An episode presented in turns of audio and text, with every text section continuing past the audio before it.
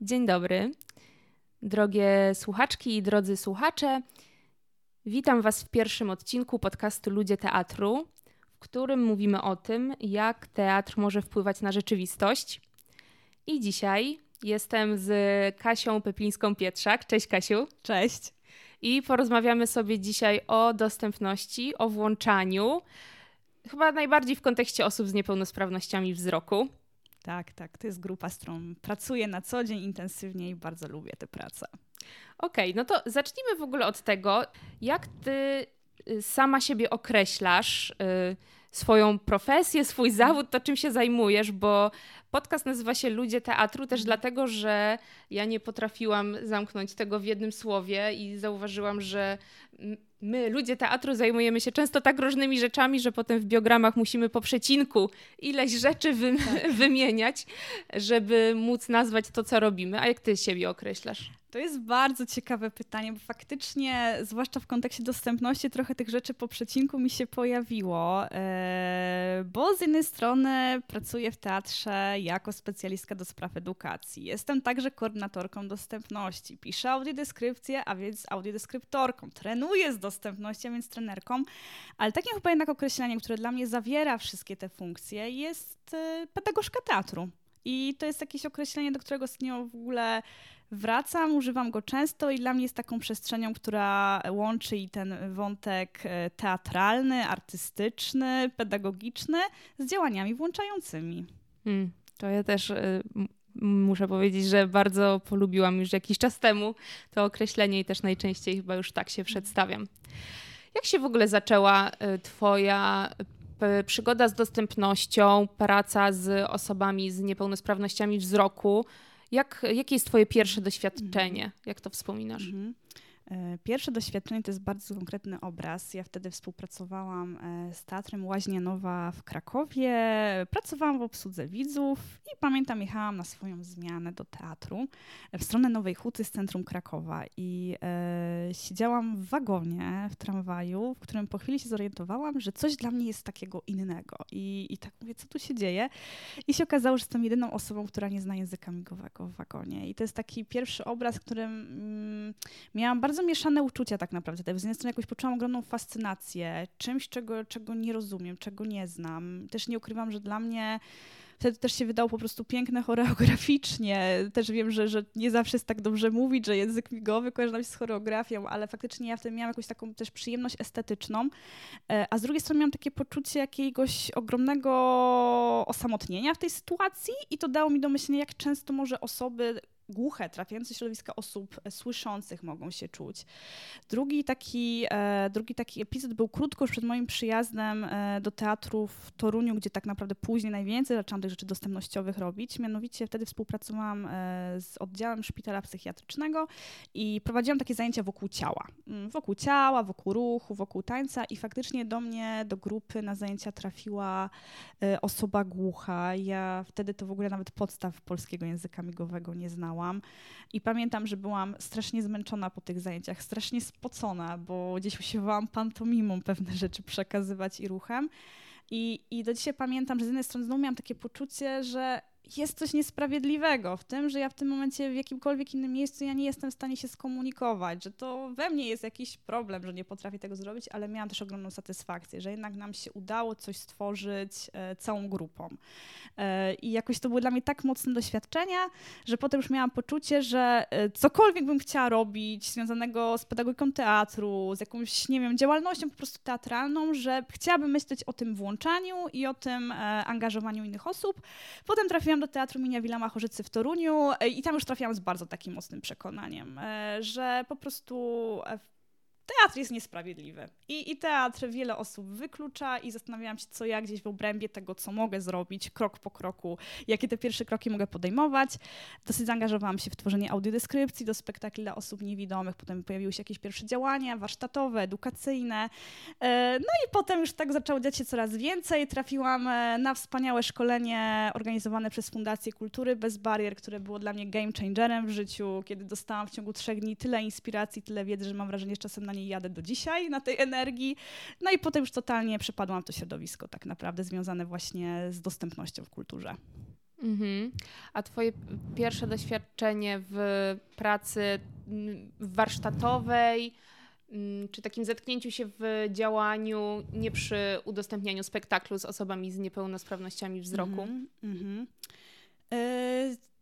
Pierwsze to w ogóle była grupa, która była łączona, ponieważ miałam wtedy uczestników rajdu Fundacji Kultury Bez Bariery. Miałam tam osoby niewidome, słabowidzące, głuche, słabosłyszące, osoby z niepełnosprawnością ruchu, e, więc e, ta grupa miała bardzo wiele różnych potrzeb. E, I to były takie warsztaty organizowane właśnie w teatrze, wprowadzające do spektaklu.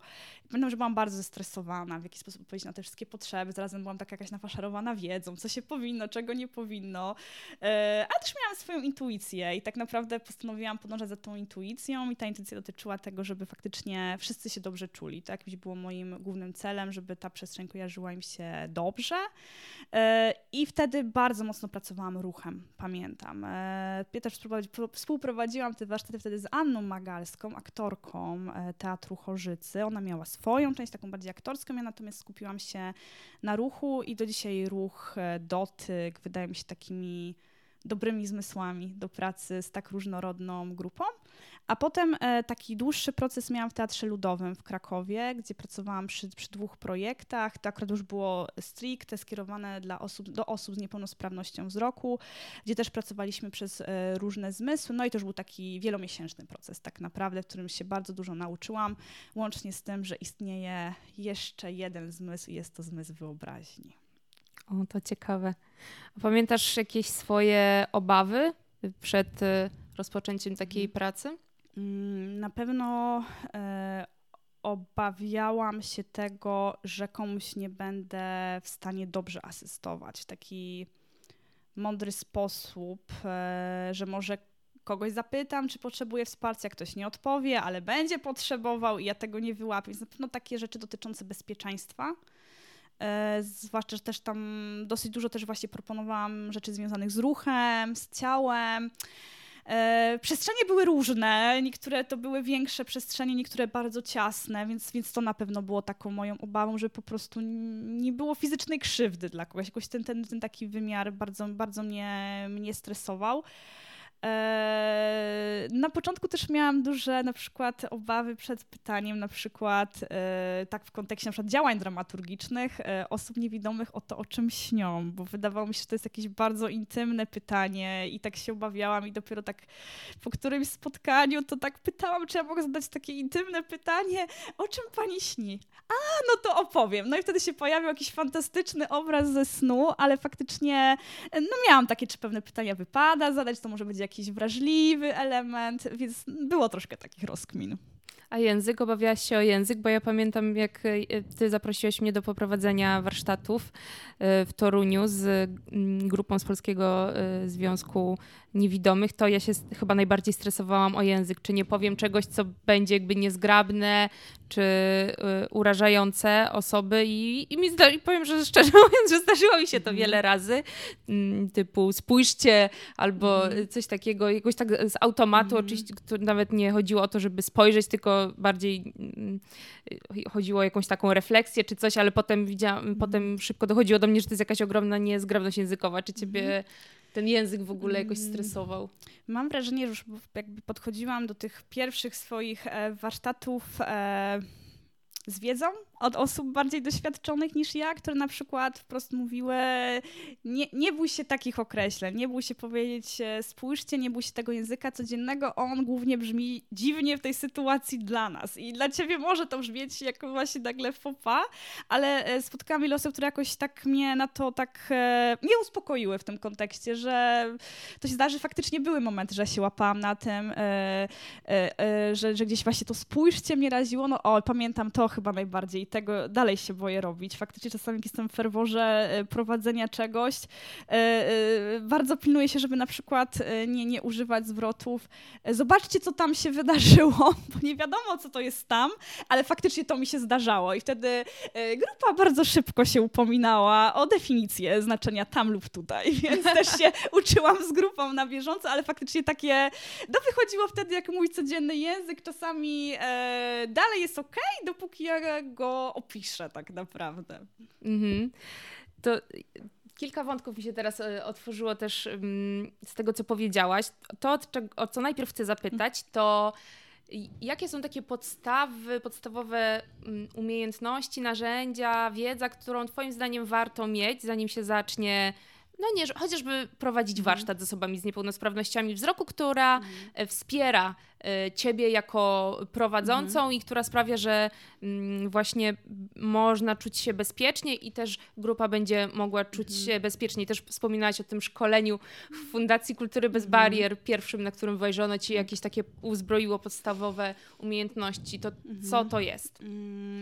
Ja myślę, że dostępność jest taką dziedziną, w których pewne rzeczy wydają się trudne do ogarnięcia, czasami może nawet abstrakcyjne, dopóki namiastki, bo to chodzi o namiastkę doświadczenia, nigdy o doświadczenie pełne, ale namiastki doświadczenia trochę nie przeżyje się na sobie i e, no ja miałam to ogromne szczęście, że tak ze mną pracowano na początku. Teraz tak staram się ja pracować z innymi osobami, żeby tak e, wejść w potrzeby danych osób, wejść w buty i na przykład zobaczyć na swoim ciele, jak to jest, kiedy w przypadku osób niewidomych ktoś bardzo chce ci pomóc, ale nagle zaczyna cię szarpać, jak zmysł równowagi ulega wtedy zaburzeniu, jak pojawia się dezorientacja. E, więc dużo takich, myślę, rzeczy przez, e, przez po prostu praktykowanie na swoim ciele. Myślę że na przykład, co dla mnie gdzieś było pomocne, to takie zrobienie sobie kilku godzin, gdzie ja się w ogóle konfrontowałam ze swoimi wyobrażeniami na temat osób z niepełnosprawnością wzroku. Mianowicie, e, jakie, jakie ja mam skojarzenia, jakie obrazy obrazy, nawet takie kulturowe przychodzą mi do głowy, żeby po prostu wiedzieć, z czym trochę ja do grupy wychodzę, z jakimiś swoimi też obawiami, obawami, oczekiwaniami, ale także marzeniami dotyczącymi tej współpracy. Uważam, że zawsze podstawy asysty mogą się przydać, po, ponieważ żeby wiedzieć na przykład chociażby jak można mądrze, skutecznie wesprzeć osobę niewidomą, jeżeli będzie tego oczywiście potrzebowała, na przykład w dotarciu po prostu do krzesła, które mamy w sali warsztatowej, albo e, nie wiem, w przejściu stromych schodów schodów i ciasnych drzwi. Ponieważ myślę, że bez tej wiedzy, bez przećwiczenia tego, mm, to jest, to jest naprawdę nie jest trudne, ale uważam naprawdę warto to przećwiczyć, bo w sytuacji, kiedy już jesteśmy z drugą osobą, e, no mogą się pojawić emocje i wtedy bez znajomości pewnej procedury e, może się pojawić stres. Ja sama miałam okazję obserwować takie sytuacje, dosyć były stresujące wtedy dla dwóch stron, a myślę, że prowadząc warsztaty mamy i tak dużo różnego rodzaju napięć i, i też takiej, no myślę też pozytywnych tak naprawdę, ale i tak dużo mamy emocji w sobie, więc myślę, że pewne takie procedury mogą uspokoić.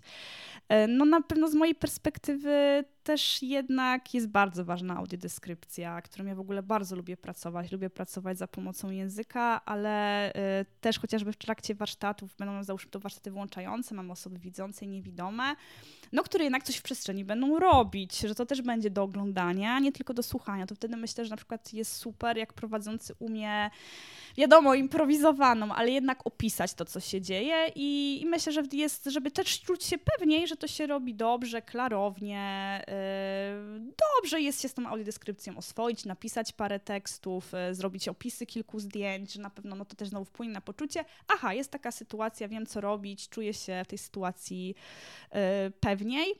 Mm, I też myślę, że ważne jest takie cały czas bycie naprawdę w kontakcie z osobami z niepełnosprawnością wzroku, a już szczególnie z pogadaniem, przynajmniej z przedstawicielem grupy, która ma do nas przyjść, bo wtedy też na przykład się może okazać, że niekoniecznie musimy teraz e, na szybko robić materiały, nie wiem, wiersz, z którego chcemy korzystać, niekoniecznie musimy adaptować go na alfabet Braille'a, bo nikt z grupy nie lubi z tego narzędzia korzystać i wszyscy wolą materiał w formie audio na przykład, więc e, też po prostu e, zamiast zgadywać, bo tutaj w dostępności jest myślę ogromna przestrzeń na zgadywanie, tylko zgadywanie nie daje nic dobrego, więc tutaj lepiej po prostu zapytać i sprawić tak, że to nad czym tak się musimy gdzieś napracować, naprawdę jest idealnym rozwiązaniem na potrzeby naszej grupy, bo wszystkie osoby niewidome, które spotkałam i z którymi mam ogromną przyjemność pracować, każda z nich jest inna, każda ma inne potrzeby i wiadomo, że jeżeli coś proponujemy, projektujemy, prowadzimy, to ostatecznie pewne decyzje musimy podjąć, bo czasami nie da się tak jakby w 100% dla wszystkich, trzeba wypracować jakieś mądre kompromisy ale, ale, ale myślę, że to jest bardzo ważne, żeby wiedzieć właśnie, jak jest w danej grupie. No, też myślę, że dla prowadzących ważna jest może wie, być wiedza y, po prostu, czy na przykład dana osoba nie widzi od urodzenia, czy na przykład pamięta obrazy, bo to też może wpływać na, na pewny zakres ćwiczeń, które warto wykonać. E, ale tak, asysta, audiodeskrypcja, e, taka chęć, ciekawość zadawania pytań, słuchania odpowiedzi, e, potraktowania faktycznie osoby z niepełnosprawnością wzroku po prostu jako najlepszych ekspertów w swojej sprawie. Nikt tego nie wie, nie wie lepiej.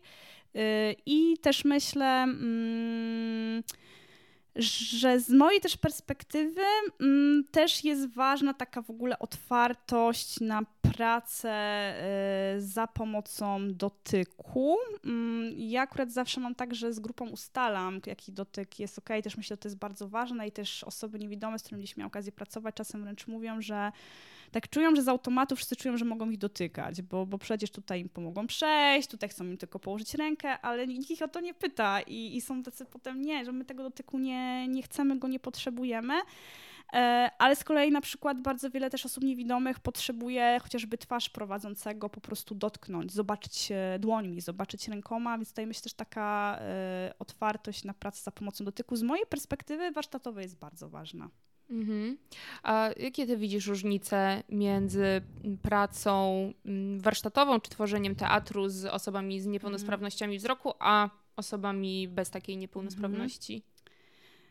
W tym momencie widzę coraz mniej już różnic. Na początku widziałam ich e, dużo, że na przykład wydawało mi się, że na przykład z osobami widomymi, no to tak dużo dźwiękiem powinniśmy pracować, że tak, tak dużo dźwiękiem. E, e, teraz coraz bardziej mi się wydaje, że tych różnic tak naprawdę nie ma. Mm, że, że w ogóle w zasadzie się nawet zastanawiam, czy są takie włączające warsztaty teatralne i, i coraz mniej myślę, że jest to coś ekstra takiego stworzonego, że tak my siedzimy i tak kombinujemy, co my dodatkowo musimy zrobić, żeby te warsztaty były włączające. E, bardziej czasami chodzi, żeby zastanowić się w obrębie tego, e, co robimy. Na przykład robimy etiudę ruchową e, złożoną z 10 osób, e, które powiedzmy w pierwotnym zadaniu, no powiedzmy patrzą, kontrolują swój ruch e, względem tego, co widzą, starają się zgrać ruchowo, ponieważ to widzą. To na przykład teraz mi się wydaje, że z osobami niewidomymi można totalnie zrobić to samo, tylko oczywiście wzrok przestaje być głównym nośnikiem informacji, a na przykład możemy się nakłonić na pewną niezbyt dużą odległość, że gdzieś nam ramiona się trochę stykają, że trochę musimy się wyczuwać ciałem, albo właśnie mieć e, sygnały dźwiękowe, które będą charakterystyczne. Możemy orientować się po zapachu. Na przykład praca z osobami niewidomymi gdzieś mnie bardzo wyczuliła na rolę zapachu, temperatury, faktury. W ogóle naprawdę o tym wszystkim wcześniej nie myślałam, że to w robieniu jakiegoś działania twórczego z grupą jest ważne, więc ja bym powiedziała, że dla mnie to było jakby troszkę dzięki e, osobom e, niewidomym mam wrażenie, że dużo do narzędziownika dostałam, bo, bo pokazali mi, jak wcześniej niewiele widziałam w teatrze możliwości, że wzrok, słuch, ruch, okej, okay. a na przykład nigdy aż tak intensywnie myślałam o smaku, zapachu, o ich roli twórczej, a no, dzięki tym osobom, no otworzyły mi te osoby oczy po prostu na to. I to jest e, to, chyba to, co dla mnie jest najbardziej inspirujące we współpracy z Tobą i też w poznaniu tego, jakimi narzędziami Ty pracujesz. Y, I mam wrażenie właśnie, że nie tylko już z osobami z niepełnosprawnościami, ale że przekładasz jakby te narzędzia w ogóle na swoją y, pedagogiczną praktykę. Y, ty używasz takiego też sformułowania multisensoryczności. Mhm. Też ostatnio, jak rozmawiałyśmy, to powiedziałaś ci takiego, że dostępność jest dla ciebie przestrzenią kreatywną. Tak. I teatr jednak którym, do którego my jesteśmy mhm. przyzwyczajeni, czy warsztaty, no jednak głównie opierają się na, na słuchu i na wzroku mm. i mam wrażenie, że oczywiście to będzie generalizacja mm. i może niektórzy teraz słuchający się e, trochę nam nie obrażą, ale że jednak jakby no, nasz narzędziownik jest bardzo stricte ograniczony do mm. tych zmysłów i mhm. e, nie wykorzystujemy tych innych. W jaki sposób e, ty jakby właśnie mhm. odwracasz to i korzystasz z innych zmysłów w swojej pracy? Mhm. Mm, no, na przykład y, ostatnio coraz bardziej e, interesuje mnie też w ogóle kreowanie samej przestrzeni, w której ma coś się wydarzyć, czyli zastanawianie się, jakie elementy, tkaniny mogłyby się znaleźć w tej przestrzeni, żeby na przykład e, w pewnym momencie jakby zachęcić do ich dotykania. E, I na przykład e, jest, jest też to, że to też bardzo myślę takie też zadanie poruszające ruchowo, choreograficznie wyobraźnię, które właśnie zwiąże się z dotykaniem przestrzeni zamkniętymi oczami, i opisywaniem tego, co się dotyka, od jakichś takich cech po prostu fizycznych, śliskie, gładkie, szorstkie.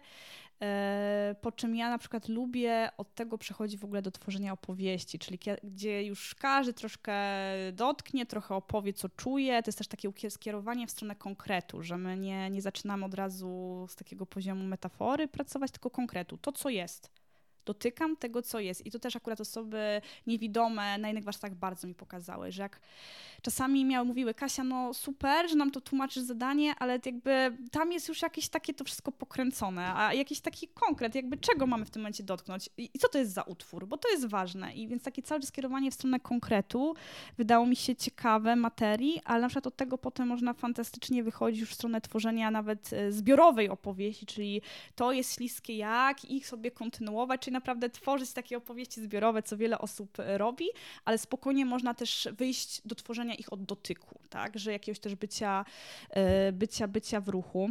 E, teraz też miałam okazję uczestniczyć w fantastycznych warsztatach z grupą z Litwy, która tworzy takie włączające spektakle taneczne i tam na przykład bardzo dużo mówiono o zapachu, o tym, że na przykład partnera scenicznego, osobę, z którą działamy w, w jakimś działaniu twórczym, nie tylko musi, możemy ją słyszeć i widzieć, ale my też możemy ją czuć, możemy ją węchem rozpoznać. I, i faktycznie robiliśmy takie taką praktykę, że byliśmy dosyć w tej grupie warsztatowej z zamkniętymi oczami, dotykaliśmy różnych faktur, mieliśmy jakieś tam mniejsze, większe zadania ruchowe, yy, też była muzyka, więc też jakoś słuch był angażowany, po czym faktycznie wielu z nas miało takie wrażenie, że jak znalazł się blisko niego człowiek i nas prowadzący cały czas zachęcały do wąchania.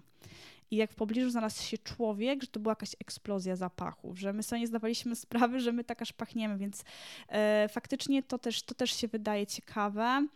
Mm, ja lubię łączyć, lubię, lubię łączyć różne zmysły. Też sobie dość do swojej praktyki powołałam, e, no nie wiem czy takie nowe, bo pewnie ktoś tak samo nazwał, bo dużo rzeczy nazywam tak samo, tylko w różnych miejscach, ale faktycznie e, ja lubię pracować też z audiodeskrypcją, która dla mnie jest zmysłem języka. E, audiodeskrypcja nie jest dla mnie czymś, co się robi dodatkowo żeby opisać to, co już powstało i okej, okay, ktoś nie widzi, no to my mu opiszemy. To jest, to jest cudowne też działanie w ogóle i sama piszę do, chociażby do spektakli audiodeskrypcję, ale mam takie coraz większe poczucie, że ona też jest wspaniałym narzędziem twórczym i że y, niesamowicie jakieś inspirujące jest zastanowienie się od samego początku, w jaki sposób w dane działanie możemy wprowadzić język. Y, jest na przykład takie praktyki choreograficzne, które polegają na tym, że się porusza i cały czas mówi bardzo precyzyjnie, co się robi. E, I, I to dla mnie też jakieś takie było ciekawe, że naprawdę wiele osób wykorzystuje elementy audiodeskrypcji, tylko ono tak się w nich nie nazywa, ale ten język jest ważny i tak naprawdę wchodzi ten taki e, obszar e, multisensoryczny, wielozmysłowy. Mm, więc na pewno audiodeskrypcja, zastanawiam się, w jaki sposób możemy pracować językiem. E, przywoływać też jakieś obrazy z wyobraźni i zamieniać je na słowa. Dla mnie też jest dosyć takim mm, ważnym zmysłem czucie głębokie. Y, o nim się jakoś mam wrażenie mówi teraz coraz więcej w kontekście samoregulacji. E, tutaj no, ogromną kopalnią wiedzy, inspiracji jest Iza Chlewińska, choreografka, która z czuciem głębokim pracuje. I faktycznie zmysł równowagi też mnie coraz bardziej interesuje, e, jak można pracować za pomocą zmysłu równowagi. E, to już są czasami konkretne konkretne, konkretne zadania ruchowe, które na przykład dają nam wyczuć, gdzie ten błędnik na przykład zaczyna nam szaleć, a gdzie faktycznie łapiemy równowagę i z tą równowagą coś ciekawego na przykład w relacji możemy e, z partnerem zrobić. Jakoś tak mam w ogóle wrażenie, że mm, że jest tych zmysłów bardzo wiele w naszym życiu, tylko się umówiliśmy na jakieś podstawowe, więc e, no, zmysły języka, pewnie metaforycznie czasem się tak mówi, ale dla mnie to jest bardzo konkretne. Jest, jest to w tym momencie audio, audiodeskrypcja. E, no i lubię, lubię przeplatać kilka, kilka technik. E, że powiedzmy na tych zajęciach, bo czasami też prowadząc je staram się też chociaż trochę sobie odciąć zmysł wzroku. Po prostu mam wrażenie, że dalej widzimy, tylko widzimy na przykład rękoma albo nosem. Więc dalej widzimy, tylko trochę inaczej. To jest dla mnie jakieś rewolucyjne spojrzenie na temat, że faktycznie można widzieć w inny sposób niż e, oczami. Czym różni się, Kasiu, dla ciebie um, udostępnianie od robienia dostępnego?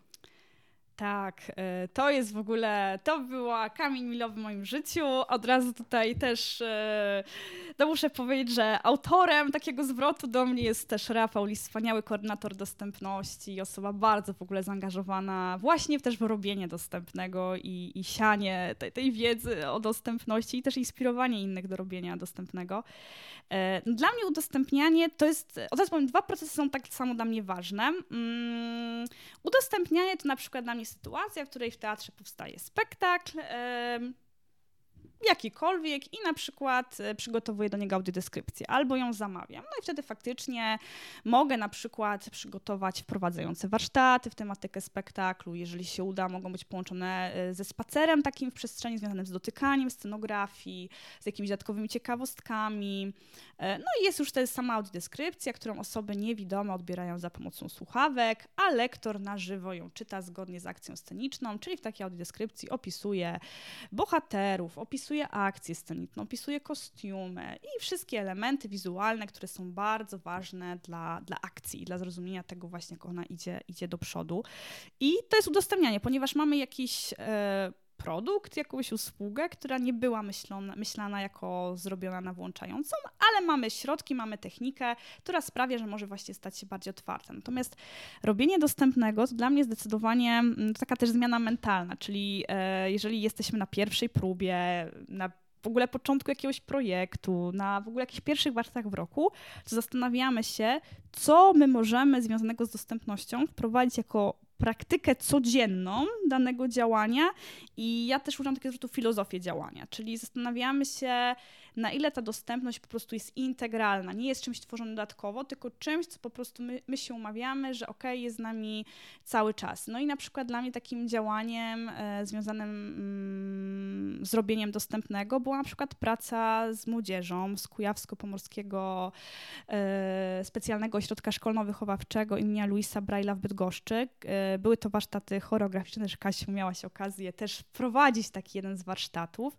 gdzie faktycznie to dla mnie jest e, dzięki współpracy z tymi mm, ekspertkami, ekspertami, z tą wspaniałą młodzieżą, e, próba zastanowienia się, w jaki sposób my możemy tworzyć spektakle choreograficzne, które od początku biorą pod uwagę potrzeby osób z niepełnosprawnością wzroku.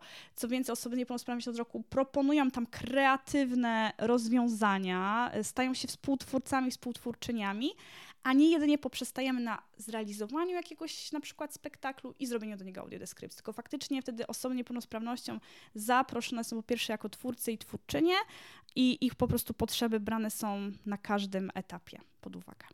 Mhm. A jak to um, rozumiesz i jak to może działać w odniesieniu, te dwie kategorie mm -hmm. w mhm. odniesieniu właśnie do, nie do myślenia o gotowych produktach już w mhm. spektaklach, mm -hmm. ale o pracy z osobami niewidomymi, czy to warsztatowej, mm -hmm. czy po prostu pracy, pracy nad spektaklem.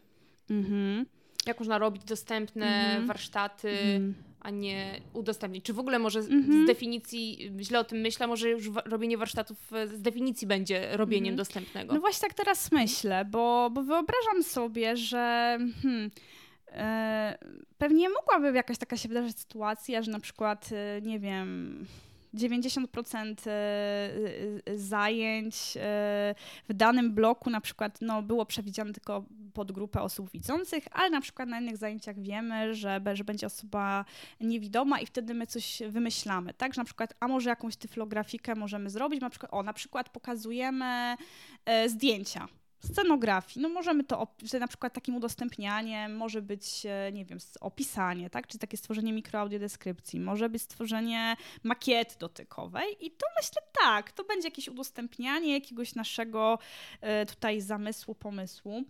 Natomiast jednak myślę, że mm, też dla tej przestrzeni takiej pedagogiczno-teatralnej yy, i też podejrzewam, że sporo osób to robi dostępne. Czasami mam takie doświadczenia, też rozmów z instytucjami, w których słyszałam, no bo my nic takiego nie mamy dostępnego i włączającego, po czym dowiadywałam się o jakichś fantastycznych zajęciach przyjaznych sensorycznie przestrzeniach. To już jest w ogóle jakiś wspaniały punkt wyjścia do zaproszenia naprawdę masy osób neuronietypowych, które no, na przykład w głośnej przestrzeni by się poczuły źle, a tam mamy już cudowną, e, cudowną bazę. Natomiast e, no myślę, że żeby jednak też robić to dostępne, mm, nie, no w ogóle byłoby wspaniale zawsze zapraszać samorzeczników, czyli w tym momencie osoby niewidome do współprowadzenia. To też nie zawsze jest możliwe. Mm, to tak jak nie zawsze kobiety przyjmują zaproszenie do bycia ekspertką, chociaż byłoby super, żeby tam były. Ja myślę, że to jest gdzieś ta podobna trochę kwestia, ale na pewno zawsze warto konsultować i akurat jeżeli chodzi o konsultacje, to myślę, że środowisko jest, ta społeczność jest tak otwarta, otwarta i też chce się dzielić swoim doświadczeniem i wiedzą, i umiejętnościami. I, i gdzieś ten jednak aspekt e, włączenia głosu danej społeczności byłby dla mnie ważny, że bez tego to my trochę zgadujemy tylko, co może oznaczać robienie dostępnego. Dopóki nie zapytamy i nie wysłuchamy tak serio odpowiedzi, czasem nie będzie nam pasowała do klucza i wtedy też trzeba się zastanowić, co z nią zrobić i jak zmienić pierwotne założenia. E, to bez tego będzie ciężko, więc myślę, że tak, że tutaj konsultacje, zadawanie pytań, opowiadanie. E, ja też myślę, że w samym robieniu dostępnego jest też bardzo wiele innych elementów, już poza naszymi działaniami, czy na przykład to, jak wygląda sala. E, warto zadać sobie pytania, tak, czy nie wiem, nawet jakie jest dojście z przystanku autobusowego tej przestrzeni. E, w samej przestrzeni na przykład, czy odpowiednio na przykład drzwi są oznaczone, żeby na przykład nie nagle nie wejść.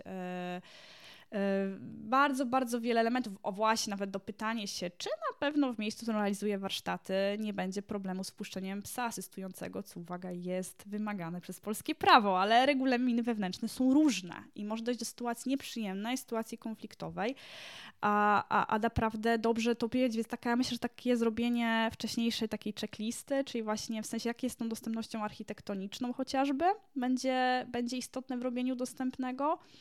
Mm, no żeby wiedzieć z, jakąś, też z jakimi zasobami wchodzimy. I, no i na pewno e, też dla mnie dziś w robieniu dostępnych warsztatów równie ważny jest etap informowania o nich. E, to jak się zaprasza, czy nie wiem, jeżeli wyślemy zdjęcie promocyjne, czy do niego jest tekst alternatywny, e, czy, czy ten tekst, który stworzymy, no i ma odpowiednią strukturę nagłówków. To, to czasami wydaje się, się mniej ekscytujące niż spotkanie z ludźmi. Ja czasami też mam takie kryzysy, że jednak to bym tak bardziej już tak z ludźmi chciała pracować ale im gdzieś więcej robię te rzeczy, tym bardziej mam wrażenie, że to jest tak samo ważne po prostu, że, że bez tego coś nam się w komunikacji, myślę, że w ogóle robienie dostępnego jest bardzo mocno też e, związane z komunikacją, od początku współpracy aż do podziękowania sobie za tę współpracę, bo było fajnie, było super. Mhm.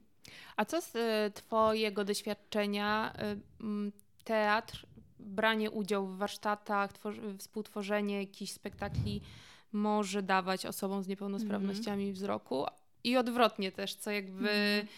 Co może dawać temu, tej społeczności i co ta społeczność daje, mhm. może dać teatrowi? Mhm. No, przede wszystkim mamy taką trochę sytuację, mam wrażenie, hmm, w polskiej kulturze, że jednak wciąż zbyt często osobom z niepełnosprawnościami różnymi e, no, odmawia się trochę dostępu do tej tak zwanej sztuki. Że y, ja na przykład sama też często jestem pytana, czy jestem terapeutką. Jak jeżeli mówię, że pracuję choreograficznie z osobami niewidomymi, a to pani jest terapeutką. Mówię, nie, nie jestem terapeutką. I bardzo często ta sztuka tworzona przez osoby z niepełnosprawnością jest taka zamykana w takich ramach albo terapii, albo jest bardzo medykalizowana albo w ogóle jest mówione, a to taka działalność amatorska, super, ona na pewno fajnie pomaga, więc to w ogóle jakiś wkracza temat tego, co jest amatorskie, co jest zawodowe i w ogóle jakichś takich dziwnych granic tak naprawdę.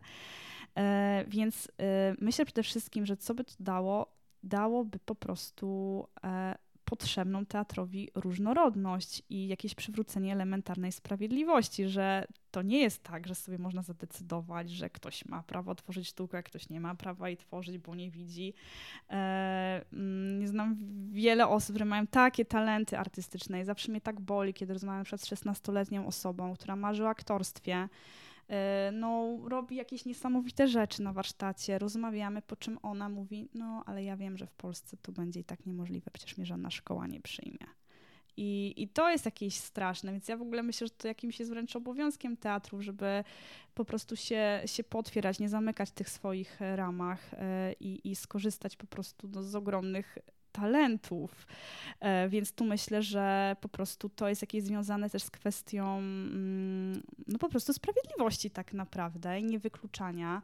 E, też jednak myślę, że jest jakimś problemem, że e, tak zwane osoby pełnosprawne, ostatnio jakoś w ogóle od tego terminu dochodzę, więc osoby widzące, osoby widzące, osoby widzące na przykład no bywa tak, że czują, że one na przykład doskonale wiedzą, jak fantastycznie zagrać tę osobę niewidomą. I pewnie wiedzą, nie, nie wątpię w to, ale myślę, że fajną praktyką jest wtedy naprawdę w najbliższym otoczeniu, w lokalności, znaleźć konsultanta, powiedzieć mu, słuchaj stary, ja tu mam pomysł na taki ruch sceniczny, Yy, powiedz mi, no wiesz, to jest scena, trochę go muszę wyolbrzymić, ale czy to jest okej, okay, tak? Czy nie czujesz, że na przykład ten ruch jakoś ośmieszam w tej sytuacji? I myślę, że naprawdę wiele osób będzie chętnie weźmie udział w takich konsultacjach. Będą czuli się już włączeni przez samo to zapytanie, które też myślę jest jakimś pierwszym etapem do tworzenia wspólnie. Mm. Ale co, co daje? I to akurat jest rzecz, która myślę daje i jednej i drugiej stronie. To jest po prostu e, różnorodność, która jest inspirująca, jest, e, jest jakąś taką przestrzenią poszukiwań, ale dla mnie też co jest z niej fantastycznego, to jest cały czas spotykanie się z taką sytuacją, e, że ktoś ma inaczej niż ja i, i, i w tym uważam, mm, z tego wynika takie w ogóle pole tego, co wie, że teatr mógłby robić, czyli jakby cały czas tak trochę zajmować się jednak tą kwestią właśnie empatii, sprawiedliwości, ale takiego po prostu nie robienia tego, tego deklaratywnie, jako temat spektaklu, tylko po prostu pokazywania, zobaczcie, można tworzyć taki świat, który jest bardziej sprawiedliwy, pełnia błędy, bo dostępności bardzo ciężko czasami o perfekcjonizm, on też potrafi bardzo pozamykać, ale pokazujemy, zobaczcie, możemy, jest możliwe, żeby na scenie komunikowały się i wspólnie działały osoby z tak różnymi potrzebami dla mnie to byłby jakiś taki ponieważ teatr y, bardzo mocno związany jest z widzialnością. Myślę, że jest teatr bardzo ważny on ma naprawdę dużo rzeczy do zrobienia. To przez tą widzialność myślę też mógłby przekonywać, czyli okej, okay, zobaczcie, tu było to możliwe, więc ta zmiana jest po prostu także możliwa w innych dziedzinach życia i, i tu by to było ważne, ale też myślę, że po prostu też to spotkanie obie grupy mogłoby jakoś zachęcać. Yy, do po prostu odejścia od tych środków, które znamy, które mamy opanowane, na rzecz na przykład zagłębienia się trochę w taką twórczą, nieznaną przygodę, czyli na przykład, okej, okay, mało pracuję z zapachem. No to dobra, to skoro mnie i ciebie interesuje zapach, to jest jakiś zmysł nam bliski, no to zastanówmy się może, jak ten zapach możemy wkomponować w akcję albo w scenografię. I, I to wydaje mi się, że takie bazowanie na tym, co na przykład nas łączy tej sytuacji, też może być bardzo kreatywne i myślę, że ostatecznie może też gdzieś zaowocować w ogóle nowymi sposobami też angażowania e, uczestnika wydarzeń. I tu uczestnik słowo mówię bardzo świadomie, e, no ponieważ słowo widz też jest dziwne, bo jednak jest bardzo okulocentryczne, zakłada, że ktoś widzi. o tym bardzo ciekawie Mateusz Haberski pisał w jednej z swoich książek, czyli właśnie takim, takim pojęciu samego widza, że to jest ktoś, kto widzi, ale przez to jest trochę też bierny tak naprawdę, więc tutaj też myślę jest potem duże pole do zastanowienia się przez te dwie grupy, jak możemy angażować publiczność na inne sposoby. Mhm. A co tobie daje yy, ta praca i co ciebie w niej pociąga? Jakie w ogóle teraz mm. rzeczy chciałabyś robić? Mm. W którym kierunku chciałabyś dalej eksploro eksplorować też dla siebie, jako dla mm, artystki czy pedagogzki, mm. te narzędzia, które ci y, daje mm, praca z osobami nie, mhm. niewidomymi? No ja mam wrażenie, że w ogóle y, ta praca mnie w jakimś wymiarze artystycznym stworzyła, że, że bez tego to gdzieś tak po masku trochę sobie badałam, trochę tak nie wiedziałam, trochę szukałam jakiegoś swojego języka i dopiero właśnie w takim byciu w stałej współpracy znalazłam coś, co tak naprawdę czuję, że mnie nieodmiennie fascynuje. E, na pewno bardzo chciałabym praktykę choreograficzną rozwijać. Dla mnie jest obecnie bardzo ważne, e, czy to w sferze warsztatów, czy jakichś e, przyszłych, przyszłych działań, po prostu praca wokół ciała i, i gdzieś no, z tym ciałem to mam długo tak naprawdę. Od, od wielu, wielu lat jakoś uważam, że ono e, ma dużo jeszcze większy potencjał, co z nim na przykład w teatrze, w ruchu można zrobić i, i tutaj faktycznie e, ważna jest dla mnie właśnie kwestia w pracy choreograficznej, pracy za pomocą różnych zmysłów, ale także właśnie choreografii języka, choreografii audiodeskrypcji. E, w najbliższej przyszłości interesuje mnie też trochę odwrócenie sytuacji, czyli e, właśnie nie zastanawianie się, jak e, osobom niewidomym można opisać to, co się dzieje, tylko w ogóle chciałabym zrobić sytuację. Takie działania już też wiem, że, że, że były podejmowane, ale myślę, że trochę spróbuję je podjąć na inny sposób. Mianowicie chciałabym, właściwie będę robić, będę robić spektakl, który najprawdopodobniej będzie się odbywać w ciemności ale nie chcę, żeby był słuchowiskiem. Yy, I, I, to jest ta różnica, jakby też nie chcę, aha, no to ciemność, no to słuchowisko, słowo będzie ważne, ale właśnie będą też angażowane inne, inne zmysły.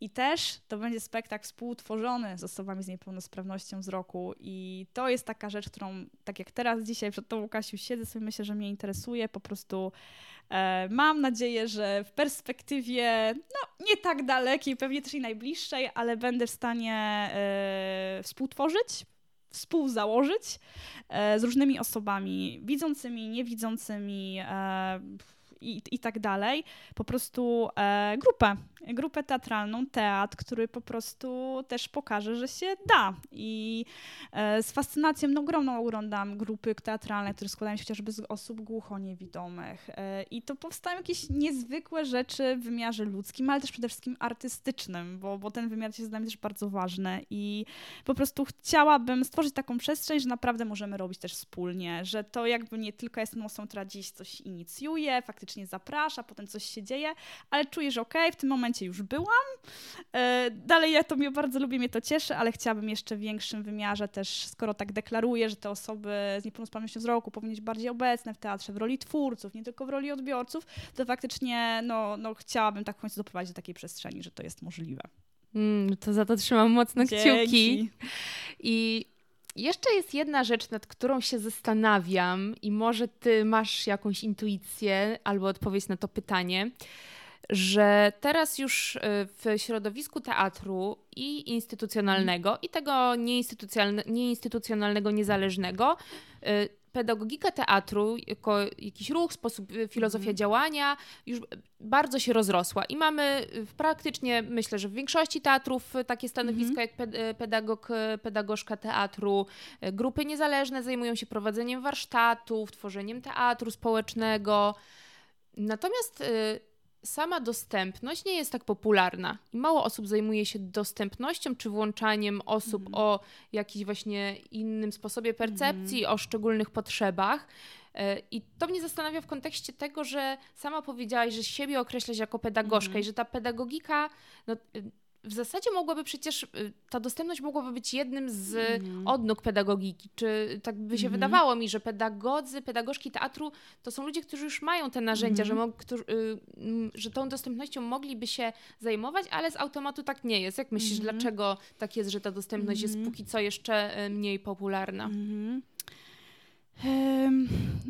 Mam wrażenie, że na przykład faktycznie w muzeach było w pewnym momencie, nie wiem, tak teraz mniej trochę śledziłam, ale, ale w pewnym momencie bardzo wielu edukatorów chodziło płynnie w rolę liderów e, związanych e, z dostępnością, z, z włączaniem, udostępnianiem. E, myślę, że jest. E, jakaś też faktycznie może, może, może mała wiedza na ten temat.